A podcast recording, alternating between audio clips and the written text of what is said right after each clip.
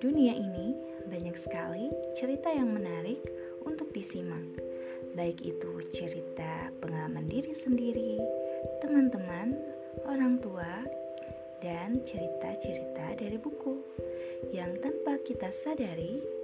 Dari cerita-cerita itulah kita dapat ilmu bagaimana melewati hidup ini.